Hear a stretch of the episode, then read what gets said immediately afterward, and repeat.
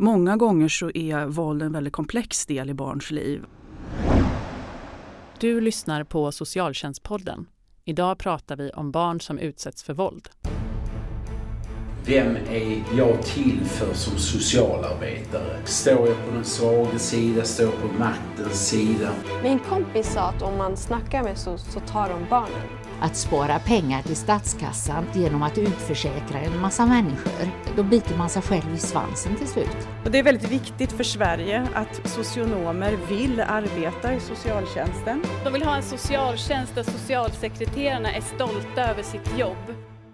Hej och välkomna till Socialtjänstpodden. Podden för dig som är intresserad av socialt arbete och socialpolitik.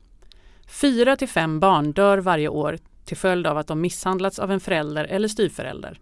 Oftast har familjen haft kontakt med socialtjänsten innan. Hur kan vi bli bättre på att upptäcka barn som upp utsätts för våld? Och hur kan vi förebygga att det sker? Det ska jag och professor Maria Eriksson prata om idag. Välkommen Maria! Tack så mycket! Hur vanligt är det att barn utsätts för våld av vuxna? Ja, det beror lite grann på hur man definierar våld. Men om vi börjar med att vara utsatt för fysisk misshandel mm. så eh, kan man säga att i den senaste nationella undersökningen om omfattningen av våld mot barn som har gjorts i Sverige där rapporterade 24 procent av eleverna att de utsatts för våld av en vuxen och 14 procent av en förälder. Så det kan man ha som en eh, en siffra att förhålla sig till. Sen finns det andra studier som ligger lite lägre. Eh, så att, ja, det beror på lite grann vad man, hur man så att säga, eh, vilken studie man tittar på. och så. Inkluderar vi det här att vara utsatt för psykisk barnmisshandel till exempel genom att se och höra våld mot en förälder, ja då får vi lägga på barn. Minst var tionde barn skulle jag säga, verkar det som, eh, i Sverige har sett våld mot en närstående person, mot en vuxen, en förälder hemma. Så att, ja, så att hur vi definierar våld får också betydelse för hur många barn som vi tänker ingår i den gruppen. Och samtidigt kan man säga att man kan ju ha varit utsatt för fysiskt våld och ha sett någon annan, Precis. alltså varit utsatt för flera typer av våld. Precis, och det är väl en sån sak som vi har lärt oss ju mer vi har tittat på våld mot barn i alla dess former att många Många gånger så är våld en väldigt komplex del i barns liv. Alltså det kan vara så att man lever med en eh, i en familj där en förälder utsätter den andra föräldern för våld. Typiskt sett är det barnet pappa som utsätter mamma för våld. Även om det naturligtvis händer att mammor också använder våld. Um, och en hel del av de barnen, precis hur många är lite svårt att veta för att olika studier ger olika resultat. Men vi kan tänka att minst hälften och är det upprepat våld och grovt våld, antagligen mer, eh, så är barnen själva utsatta för fysiskt våld mm. också. Och sen kan det också vara så att en andel av barnen är utsatta för sexuella övergrepp. Mm. Eh, vi vet också att våld i heterosexuella parrelationer är en komplex bild av både fysiskt, psykiskt våld och sexuellt våld. Ja. Lägger vi på sen att barn också kan utsättas för eh, olika former av trakasserier av den föräldern. Ja, eh, det kan ju bli en väldigt komplex bild av utsatthet i det enskilda barnets liv. Men det låter ju som att det skulle kunna vara så många som var fjärde, var tredje barn ja. som är utsatt för någon form av våld från en vuxen. Ja, det skulle man, det, det tror jag att vi skulle kunna skulle vi ta med allt och fråga om vad barn upplever under hela sin barndom så tror jag att det är, det är väldigt många barn som har upplevelser av våld med sig. Och det behöver vi ha med oss när vi tänker både hur ska samhället hantera det här mm. och samtidigt så tänker jag att vi behöver också göra någon slags differentiering så att vi ser till att också särskilt uppmärksamma de som är så att säga, fortsätter att leva i våld och lever i en väldig utsatthet. Eh, så att vi, vi, inte för att relativisera, jag tänker att alla barn oavsett erfarenhet har rätt att uppmärksammas och få sina upplevelser giltiggjorda, bekräftade mm. av andra. Och sen är det en hel del barn som behöver skydd. Eh, för att de fortfarande lever i en utsatt situation. Och en del av dem de behöver mer än skydd, de behöver också stödinsatser. Eh, kanske träffa andra barn så att man slipper känna att man är så ensam om de här upplevelserna. Mm. Eh, en del barn får så, där får våldet så allvarliga konsekvenser för dem så att de utvecklar liksom en egen problematik. De kan få tecken på posttraumatisk stress. Mm. Eh, de kan hitta strategier att hantera våldet som gör att de får liksom problem med kamratrelationer eller själva börjar använda våld mot andra barn eller mot en förälder eller så. Och då kan man också behöva mer ingripande hjälp som behandling. Så att, men jag tänker oavsett, även om man inte visar egna tecken på att ha varit illa så har man alltid rätt att bli sedd och uppmärksammad mm. i sin utsatthet och få den upplevelsen så att säga bekräftad av omvärlden. Så det är både att vi behöver upptäcka barn för att skydda dem från våld men också att kunna ge dem olika insatser beroende på behov. Mm. Och också faktiskt också bara bekräfta deras upplevelse. Ja. Det är en väldigt viktigt första steg. Oavsett vad man sen behöver. För det låter ju som att det är väldigt många barn i ett land som har haft förbud mot våld mot barn väldigt länge. Ja, det är det. Vi har kommit långt. Det, tänker, det tittar man också på när det handlar om så att säga, våld i uppfostringssyfte, om vi kan kalla det det. Då kan vi ju se, tack vare att vi har haft så många studier under lång tid i Sverige som har genomförts på liksom relativt liknande sätt, då kan vi ju se att det det här förbudet mot barnaga inom citationstecken, alltså det har varit väldigt viktigt steg i att bekämpa våld mot mm. barn på bred front. Så att det har skett en väldig nedgång i liksom acceptansen för våld hos föräldrar. Eh, och barn rapporterar också liksom lägre grader av våld. Så det, det är ett positivt steg men vi behöver också göra mer. Finns det några gemensamma nämnare för familjer där barn utsätts för våld?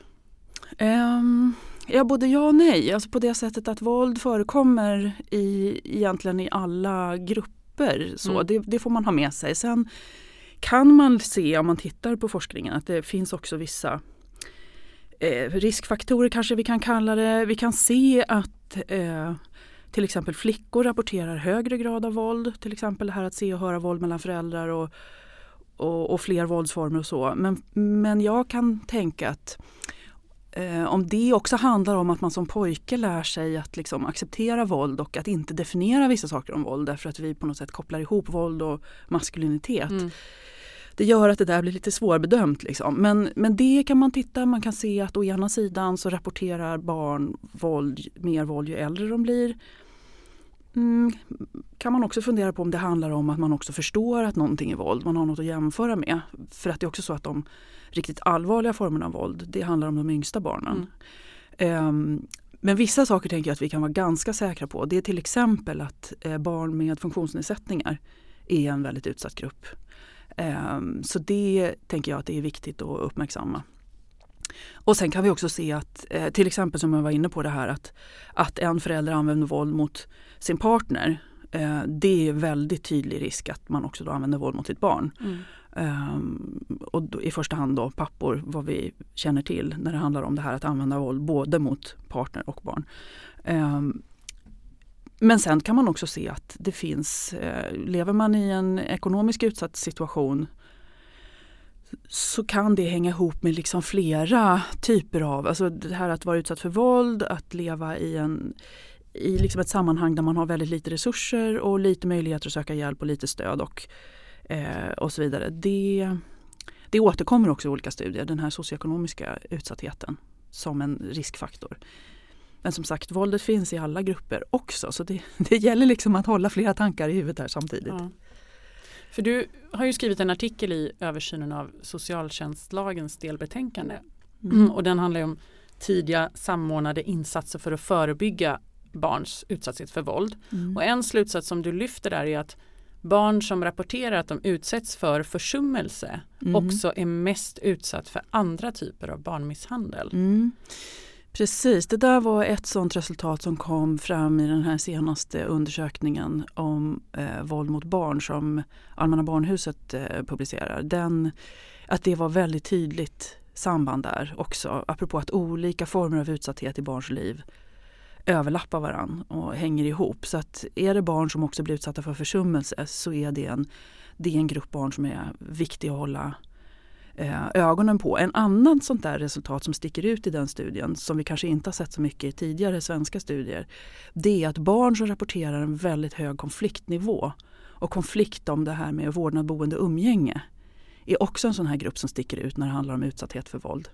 En konfliktnivå mellan föräldrarna så att säga. Så att barn som har separerade föräldrar som kan samarbeta mm.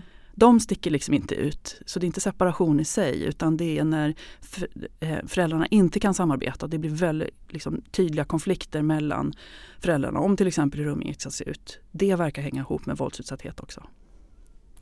Eh, och sen så lyfter du också där just det som du precis nämnde att, att vara fattig eller som du skriver ha dålig familjeekonomi. Mm.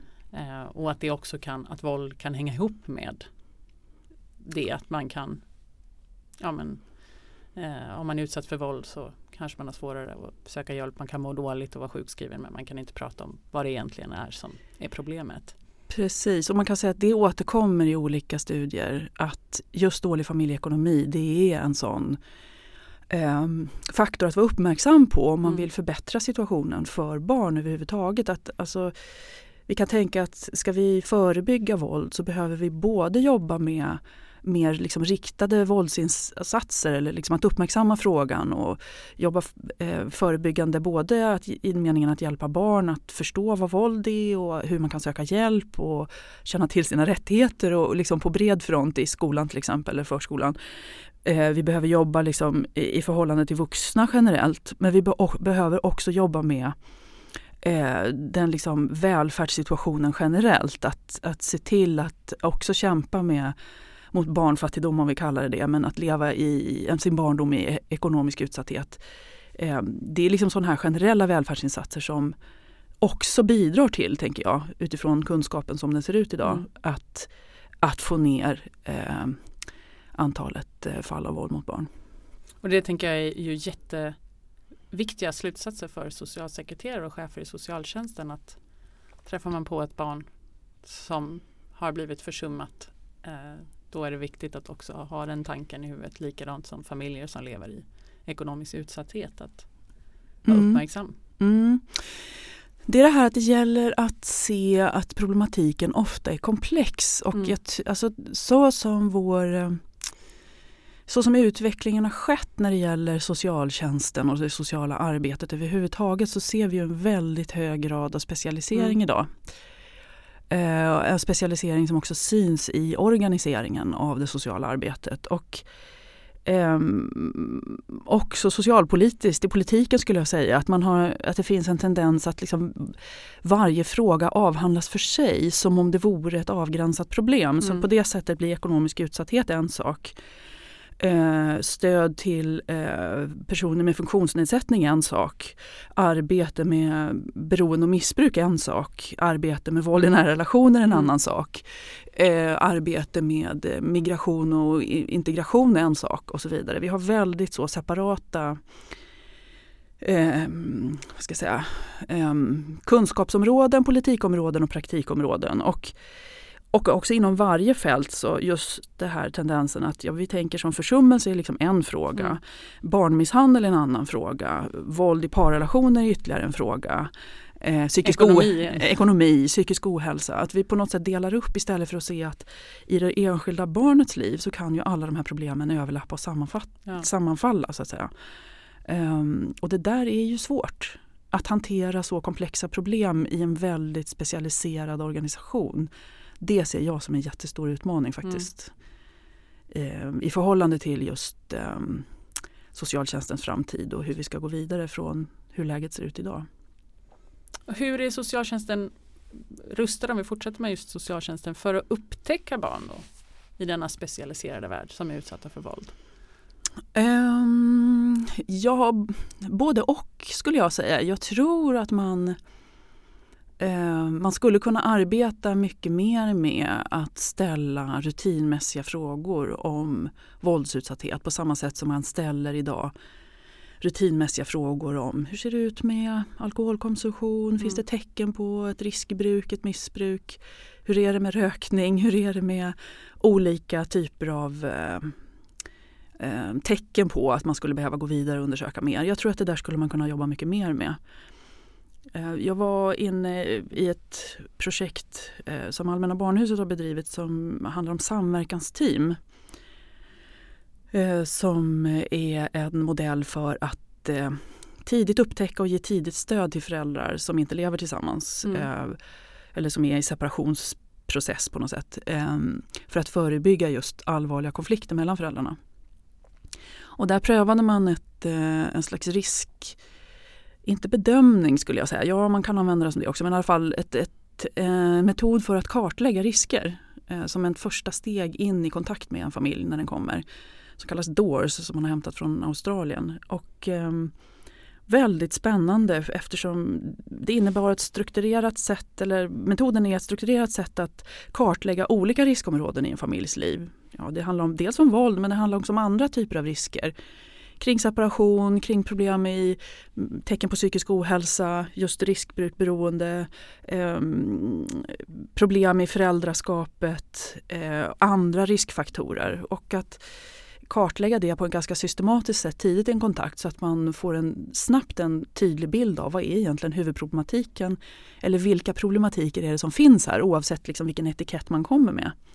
Jag tänker att det där sättet att arbeta så strukturerat det skulle man mycket väl kunna pröva på i bredare i andra delar av socialtjänsten också. Um, för att jag tror att som handläggare man kan ha, alltså som socialarbetare, man kan ha jättemycket kunskap men det är svårt att vara så strukturerad och systematisk i eh, möte med konkreta familjer. Det, man behöver stöd, metodstöd för mm. att jobba på att upptäcka. Så att jag tänker att det finns idag metoder, det här var ett exempel, men det finns också andra metoder och arbetssätt som gör att man kan mycket mer systematiskt försöka upptäcka våldsutsatthet. Eh, sen är utmaningen då att se till att sprida det till olika delar. Och, och, och, det här att börja jobba på ett nytt sätt är inte så lätt heller i en redan väldigt pressad situation. Men sen tänker jag en annan utmaning är ju att familjer kanske inte eller den som är våldsutsatt inte svarar ja. Nej. När man sitter ihop med den som utövar våld Nej, och det... när man träffar någon i början av en kontakt. Nej, men det är därför man ska använda den här typen av arbetssätt. Om jag nu ska gå vidare på det här som ett exempel på så innebär den där Doors eh, att man som förälder får skatta eller svara på ett antal frågor i ett eget litet mm. formulär. Mm. Eh, och sen eh, så går en handläggare igenom svaren och så diskuterar man. Okej, okay, du har svarat så här här. Eh, och så enskilt pratar, eller? Enskilt, ja. enskilt så med en, i ett enskilt samtal. Eh, och så går man igenom och tittar på, okej, okay, förälderns svar på eh, till exempel tecken på att man är otrygg eller att man uppfattar att sitt barn är otryggt eller problem i föräldrarelationen eller det egna föräldraskapet eller så. Så att man får en som handläggare lite tydligare bild av, är det här ett tecken på risk eller inte? Är det här någonting vi ska gå vidare med, gå vidare med eller inte? Men Poängen är att det är systematiskt, alltså det är forskningsbaserat, det bygger på sånt som vi vet är tecken på risk eh, utifrån forskning som man har sammanfattat ganska koncentrerat. Och det är ändå görbart att be föräldrar att fylla i ett sånt här formulär och ha åtminstone ett, möjligen två samtal, men ett samtal där man går igenom det. Då har man redan skaffat en väldigt fyllig bild mm. av hur situationen ser ut. Som inte bara enskilt. handlar om våld utan andra riskfaktorer det handlar ju om, också. Precis, det handlar ju om eh, brett. Och jag tänker att det är viktigt utifrån bland annat att vi vet att frågor också kan överlappa i, i barns och, och, och föräldrars liv. Ehm, du citerar ju i den här artikeln Marianne Hester mm. som menar att den sociala barn och ungdomsvården tenderar på att fokusera på mödrars oförmåga att skydda barn i våldsamma familjer. Mm. Men man fokuserar inte på de våldsutövande männens ansvar mm. och att familjerätten i sin tur fokuserar mer på barns rätt till att träffa båda sina föräldrar mm. och hur de ska, föräldrarna ska kunna samarbeta runt umgänge och vårdnad snarare än att skydda barn från våld. Mm. Och sen så lyfter du även där då just socialtjänstens specialisering gör att våld, ansvaret för våldet ligger alltid någon annanstans mm. än just den sociala barn och ungdomsvården eller familjerätten. Mm. Kan du berätta lite mer om, om det? Ja men det där har vi skrivit om. Jag, från början skrev jag om Marianne en artikel som, som på engelska heter Violent men as good enough fathers. Är våldsamma mm. män tillräckligt goda pappor? Utifrån att vi hade hittat samma slags glapp egentligen i hur vi tänker om pappor som använder våld eh, mot sin medförälder, mot mamman. Både i England och Sverige som vi skrev om då att på något sätt vi kan tänka att ja, men han är inte så bra som partner men han är bra mot barnen. Mm. Ungefär. Ja, för det har man ju hört många gånger men han slår ju inte barnen, han slår deras mamma. Ja precis och då tänker jag att det var, eh, eftersom forskningen jättetydligt visar i alla fall ett par saker, nämligen många pappor som använder våld mot kvinnor använder också våld mot barn. Eh, men sen oavsett om man inte använder våld mot barn så att utsätta barnet för att man misshandlar den andra föräldern. Alltså barn kan traumatiseras av att se och höra våld och uppleva våld på samma sätt som om de själva hade varit slagna. Mm. Det är en form av barnmisshandel. Och sen tänker jag att det ingår i föräldraskapet att ta ansvar för att värna barn, sitt barns relationer.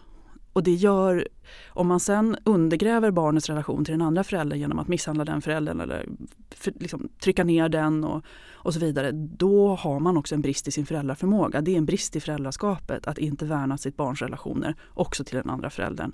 Det tänker jag att det, Men jag det tänker att också relationen om man utsätter en, annan, en närstående till barnet för våld så är det någonting som påverkar ens relation till barnet Självklart, själv. självklart. Så man undergräver både sin egen relation till barnet och barnets relation till den andra föräldern. Så att även om man inte slår direkt skulle jag säga så är det ett problem ur, utifrån föräldraansvar och föräldraförmåga när man använder våld i barnets närhet på det sättet. Mm. Uh, så det vet vi. Så på, det, på det sättet är det ju lite det här glappet liksom mellan att tänka våldsam man är en sak och pappa är en annan. Det var väldigt intressant och sen har vi tillsammans med andra forskare tittat också på andra europeiska länder. Det har, finns forskare i Kanada som beskriver liknande processer. Och ska man sammanfatta allt det här så kan man säga att, ja, lite som jag var inne på förut, att det är som att vi har olika eh, domäner. Alltså Marianne Hester använder metaforen planeter för att liksom verkligen understryka hur skilda de egentligen kan vara ibland. Det är som att de har olika befolkning, olika historia, olika språk när det handlar om att titta på fenomenet våld. Mm. Så att om man tänker liksom arbete med våld i nära relationer, där har vi ganska länge nu, sen i alla fall kvinnofridsreformen i slutet på 90-talet pratat om våld som ett brott. Det handlar om det är kränkningar av mänskliga rättigheter. Där har man diskuterat ganska mycket det här med mäns våld mot kvinnor och i och för sig funderat på kvinnors våld också, våld i hbtq-relationer och så. Men, men ändå, det finns en väldigt tydlig sån att våld är liksom inte eh, att män i så hög grad i heterorelationer är de som använder våld mot kvinnor. Det är liksom inte en fråga om mäns biologi. Det handlar om ojämlika samhällsförhållanden. Det handlar om, det är en jämställdhetsfråga mm. i någon mening. Vi har gjort det till en del av jämställdhetspolitiken mm. att få våld att upphöra. Ja. I barnavården har vi diskuterat våld på ett helt annat sätt. Där har liksom inte alls de här genusdiskussionerna förts på samma sätt.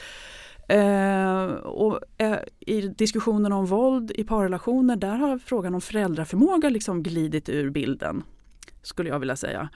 Medan det är klart att föräldraförmåga är helt centralt i arbetet i barnavården. Det är det som är uppdraget, att se till barnets behov och då blir föräldraförmåga jätteviktig. Men det är precis som du säger att det har ju varit en generell tendens i den sociala barnavården att det har varit lättare att, så att säga, komma till tals med mammor och arbeta med mammor kring barn. Att det har varit svårare att dra in pappor mm. i, i utredningar och i förändringsarbetet kring familjen. Och det gäller också våldsärenden. Vilket har gjort att fokus gärna hamnar på den här mammans förmåga. Och jag tycker ett väldigt tydligt exempel är att som vår, till exempel det material som finns kring BBIC idag som är det system vi ska ha för att arbeta med i den sociala barnavården. Tittar man på vad som sägs i liksom metodmaterialet till BBIC, i alla fall idag, och tittar vi på det stödmaterial som finns från Socialstyrelsen i form av handböcker att arbeta med våldsutsatta kvinnor och barn eller att utreda barn så står det väldigt mycket mer om hur vi ska tänka kring den utsatta förälderns föräldraförmåga och eventuella brister och eventuella behov av stöd i föräldraskapet. Men det står nästan ingenting om hur vi ska arbeta med våldsutövande mm. föräldrar. Och det finns ingen handbok om att arbeta med våldsutövare i socialt arbete eller socialtjänst som kan finnas som stöd för hur man ska till exempel utreda och tänka kring en pappa som använder våld mot sin partner. Så att den här liksom bristen på uppmärksamma, att uppmärksamma pappor som föräldrar och deras föräldraansvar, det ser vi fortfarande på den sociala barnavårdens fält i Sverige. Så det är lite, det var liksom, och där skiljer sig inte situationen från Storbritannien till exempel Nej. eller andra länder. Trots alla vår, våra försök att få till liksom jämställdhet i föräldraskapet och uppmuntra pappor att ta ansvar som föräldrar och så, så är vi fortfarande, har vi inte kommit så långt när det kommer till barnavården. Och tittar vi på familjerätten så, så kan man väl säga idag att det är fortfarande, skulle jag vilja påstå, ett eh, tydligare fokus på att försöka få föräldrar att samarbeta och eh, jag tycker nog att vi inte riktigt har tagit på allvar att när det blir eh, så att säga, allvarliga konflikter mellan föräldrar och tvister i domstol när det går så långt. Att det handlar om en social utsatthet där våld ofta finns med i bilden. Det handlar inte bara om det när det går till domstol utan, men ofta gör det det. Eh, och, eh, på ett, och det här att, att gärna fokus på föräldraförmåga hamnar i, i, i centrum mer än skyddet mot våld. Jag tror att det till, till viss del stämmer det fortfarande. Och en så här personlig reflektion det är att frågan är om vi inte Ja, utifrån det vi vet om barn och separation, om jag formulerar det så, så skulle jag vilja säga att eh, det vore rimligare att hantera eh, fall där föräldrar går till domstol som en fråga för den sociala barnavården också. Mm. Så att man ordentligt då utreder barnets behov av skydd och stöd i den situationen. Eh, helt enkelt därför att barn som har föräldrar som tvistar i domstol, det är en form av utsatthet. Så att eh, på det sättet blir det här att hantera också fall där det finns en väldigt allvarlig problematik som psykisk ohälsa, missbruk eller våld för den delen. Eh, som i liksom en egen ordning, som en familjerättslig tvist. Det blir problematiskt ur ett barnskyddsperspektiv tycker jag. Samtidigt har vi utmaningen att den sociala barn och ungdomsvården bygger på frivillighet. Och ja. Det är en utmaning där det är svårt att få till frivillighet utan att en domstol går in och Ja, men då tänker jag så här att hur det nu än är, pratar om relationer mellan familjerättsliga processer och barnavårdsprocesser. Eh, då kan man väl säga det att det är ändå så att eh, den sociala barnavården har ändå större möjligheter att faktiskt uh, utreda mm. och sätta in insatser än vad det finns möjligheter rent. Och träffa barn. Och träffa barnen och så vidare än vad det finns när man genomför en familjerättslig ja. utredning. Så att man kommer ändå närmare och det blir lättare att också sätta in insatser i tid. Man behöver liksom inte heller vänta på eh, att, er, att ge ett erbjudande till en förälder som har en, ett problem med våld det behöver man ju inte vänta tills utredningen är färdig Nej. eller vänta på att en dom ska falla i en familjerättsprocess på det sättet. Alltså barnavården har ju ändå möjligheter att göra mycket för familjerna. Eh, så att eh, på det sättet tänker jag att, att det här att man har en ordning med liksom parallella processer som kan pågå och ibland samordnas de bra, ibland samordnas de inte bra. Det är ett, det är ett problem. Man skulle behöva en mycket mer samordnad handläggning och mm. eh, att, de här, att man inte tillåter de här processerna att liksom pågå parallellt och inte i, eh, relaterade till varann. Och där tycker jag, om man tittar på liksom vägar framåt i Sverige så om vi tänker på, vi har ändå kommit väldigt långt att förbättra situationen när barn är målsägande. Mm. Eh, genom barnahusen och att, att se att man behöver hitta någon slags former för att eh, se till att samverkan mellan eh, olika aktörer kommer till stånd. Um, och, och går det att få till när barn är målsägande i brottmål så tänker jag att det måste kunna gå att få till när barn är utsatta utifrån sin egen rätt oavsett om det pågår en straffrättslig process. Men då kanske det handlar mer om att hitta former för intern samverkan inom socialtjänstens mm. ram. Eh, till Mellan exempel. just barn och ungdomsenheter och familjerätt? Ja, alltså dels eh, då mellan enheter som jobbar med utredningar eh, när det gäller ja, SOL och LVU. Eh, dels de som jobbar med utredningar utifrån föräldrabalken. Men jag tänker också att det ibland kan vara ett väldigt långt avstånd till de som jobbar med insatserna. Mm. Så det, för det handlar också om hur, hur skräddarsyr man insatser så att de på bästa sätt eh, kommer barnet till del och hur gör man för att eh, fånga upp eh, ett liksom, möjlighetsfönster när man är inne i en utredning och jobbar med en familj. Så att inte utredningen avslutas och så blir det ett glapp och så går det en ganska lång tid innan man får till stånd en insats. Att, det, att man liksom tappar farten och man kanske tappar familjen också. Så det, det, är någonting med att hitta mycket mer samordnade och sätt att arbeta kring den här familjen, kring barnen och deras som är nära barnen. Det tror jag är jätteviktigt. Hur arbetar socialtjänsten då, där det fungerar bättre? Har du exempel på ställen där det här finns? Um, ja, jag vet inte om jag har något jättebra exempel. Jag, jag träffar ju på olika ställen i landet där man i alla fall gör försök att få ihop olika delar. Spontant låter det lättare i mindre kommuner där man kanske sitter i alla fall geografiskt närmare varandra. Man kan säga så här, jag tror att sitter man nära geografiskt så underlättar det för att man, då känner man till varandra och det är lättare när man har liksom personkontakter, det vet mm. vi. Men, men även i, i eh, liksom mellanstora och lite större städer så tror jag att det går. Det handlar mer om vilja. Eh, är nog min... Det handlar väldigt mycket om ledning skulle jag säga också, hur det här utvecklas. Och jag tror att man ska inte underskatta chefers och, och även den poli, liksom politiskt ansvariga, deras vilja att eh, utveckla verksamheten och ansvarstagande för att eh, man måste liksom vara uthållig i, tänker jag, man ska hitta ett nytt arbetssätt i social barnavård eller i socialtjänst överhuvudtaget så behöver man ledningsstöd mm. och man kan behöva ledningsstöd under lång tid. Eh, och att det finns en, en ledning där och liksom aktivt bidrar till processen. Och, så att man liksom inte blir en, på pappret liksom, att ni ska jobba nu på det här sättet och så blir man som, han, som grupp lämnad ganska ensam i att försöka styra upp det där och få till någonting.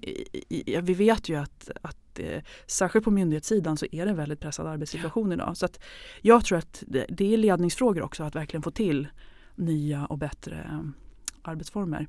Sen kanske man, jag tänker på socialtjänstutredningen nu, man kanske också behöver se över lagstiftning, möjligheter till ja, både hur man ska erbjuda insatser och hur möjligheter till samverkan eh, både internt och med verksamheter inom hälso och sjukvården till exempel. Och så. Eh, det är möjligt. Vi får se vad de kommer fram till. Men oavsett så behövs det ju en väldigt tydlig vilja från ansvariga chefer mm. för att det ska kunna gå att förändra. Nu har vi ju pratat om situationer där det redan förekommer våld mot barn. Mm. Men vad krävs då för att förebygga att föräldrar och andra närstående vuxna utsätter barn för våld? Att man alltså, aldrig behöver bli slagen eller Ja, alltså, man kan säga så här att det Tittar man på olika studier om förebyggande program så är de väldigt um, Alltså det är lite, inte nedslående ska jag säga, men det är komplicerat att visa att sådana här olika typer av preventionsprogram har effekter. Och så får man komma ihåg att en del sådana här preventionsprogram som är beforskade, om man ska titta på forskningen, de har ju genomförts i länder där barnaga är, är tillåtet. Mm. Så att när de pratar om att förebygga våld, då pratar de om något, om något helt annat än vad vi tänker oss här. Så det är lite svåröversättbart men utifrån den här ehm, eh, just det faktum att till exempel ekonomisk utsatthet återkommer som en sån här tydlig riskfaktor i många studier och har gjort under lång tid. Det pekar ju på att en ökad ojämlikhet mellan olika grupper i samhället eh, det bidrar negativt, det vill säga att skapa rimliga, bra villkor och goda uppväxtvillkor för alla barn och att liksom förebygga att barn lever i ekonomisk utsatthet. Det är liksom en viktig sån här generell insats för att försöka förebygga våld. Men sen det är klart att man kan jobba våldsförebyggande och liksom stödjande för föräldrar generellt också. Generella föräldraprogram och så vidare. Eh, och att man, eh, om man behöver stöd i sitt föräldraskap, att man också kan få tillgång till insatser ganska lätt. Eh, och, så. och att man också motverkar det här som vi kan se ibland att de som redan är relativt resursstarka det är de i första hand som söker upp mm. eh, och, och, söker stöd. Att man måste jobba mer aktivt att nå människor som lever i mer utsatta situationer helt enkelt med sådana här generella stödjande åtgärder till exempel. Men sen så tror jag också att generellt att vi behöver jobba med barn. Vi behöver jobba med barn, deras eh, också känsla för och kunskap om att eh, våld är förbjudet och vad är våld och hur kan man respektera gränser, mina gränser både barn emellan och i förhållande till vuxna. Och eh, att vi jobbar med sådana här generella insatser för att uppmärksamma våld och, och, prata om våld och se till att om man är utsatt så vet man vart man ska vända sig och, och, få stöd och så. Det kan man också göra generellt mot barn. Så jag tänker att man får jobba på flera nivåer. Alltså det är både uppgift liksom för välfärdspolitiken mm -hmm. i stort, mm -hmm. för förskola och skola att mm -hmm. jobba med barns mhm. rättigheter mhm. och försöka nå ut till föräldrar. Mhm. Eh, men också att till exempel socialsekreterare inom ekonomiskt bistånd eh, vara mer uppmärksamma på hur jag skulle, ja, jag skulle säga ser det ut i familjer som vi jobbar med? Ja, jag skulle säga så här, politiken absolut en nivå. Eh, de olika verksamheterna som möter barn Absolut, barnhälsovård. Vi kan börja redan i mödravården, Mm. BVC, förskola, skola naturligtvis. Men jag tänker alla verksamheter som möter barn och vuxna som är föräldrar. Vare sig man jobbar med psykisk ohälsa, man jobbar med föräldrar i liksom hälso och sjukvården generellt, om man jobbar med, med beroende, om man jobbar med eh, människor med funktionsnedsättningar. Eh, vi vet att till exempel kvinnor med funktionsnedsättningar är en väldigt Mm. utsatt grupp när det gäller våld i parrelationer och så vidare. Jag tänker att alla som möter barn och deras föräldrar eh, och då måste man ju gärna fråga om vuxna om man har, är en verksamhet som möter vuxna, om de är föräldrar. Ja. Då måste man ju ta reda på det. Liksom alla behöver ju ha den här liksom, utsatthet för våld med som en av flera frågor i bakhuvudet så att säga. Och lättillgängliga insatser. Och lättillgängliga insatser. Så man har någonstans att hänvisa vart man Mm. kan få stöd. Och där tänker jag att vi behöver ha liksom den här idén om insatstrappa. Vi kan tänka både eh, insatser som handlar om att främja goda relationer i familjer och främja ett, eh, liksom ett gott föräldraskap och stötta föräldrar till att eh, eh, uppmärksamma de som har problem, eh, tidig intervention till att uppmärksamma de som, som var inne på, de barn som upplevt våld. Att Mm. åtminstone uppmärksamma dem och ge dem bekräftelse. Men sen gäller det att hela kedjan håller så att de barn som behöver stödinsatser kan få tillgång till det. Och också de barn som behöver behandling. För att jag är lite bekymrad idag över de barn som är de, har drabbats allra hårdast av våld. Som till exempel behöver någon slags insats som kräver barnpsykiatrisk kompetens. Hur ser det ut för dem? Får de tillgång till kvalificerad hjälp när de behöver det? Använder man de metoder som finns beforskade och finns liksom importerade till Sverige i projekt i, genom Socialstyrelsen till exempel? Eh, som eh, eh, Child Parent Psychotherapy, Project Support, Kids Club. ja, det är i och för sig riktat mot socialtjänsten men traumafokuserad KBT. Det finns ett antal metoder idag som är frågan om får barn verkligen tillgång till hjälp med metoder som vi ändå är ganska säkra på är till hjälp. Jag är inte säker på att det alltid ser ut så. Jag tror att det kan variera ganska mycket i landet faktiskt hur, hur eh, tillgänglig hjälpen är för de barn som drabbas hårdast Mm. av våldet.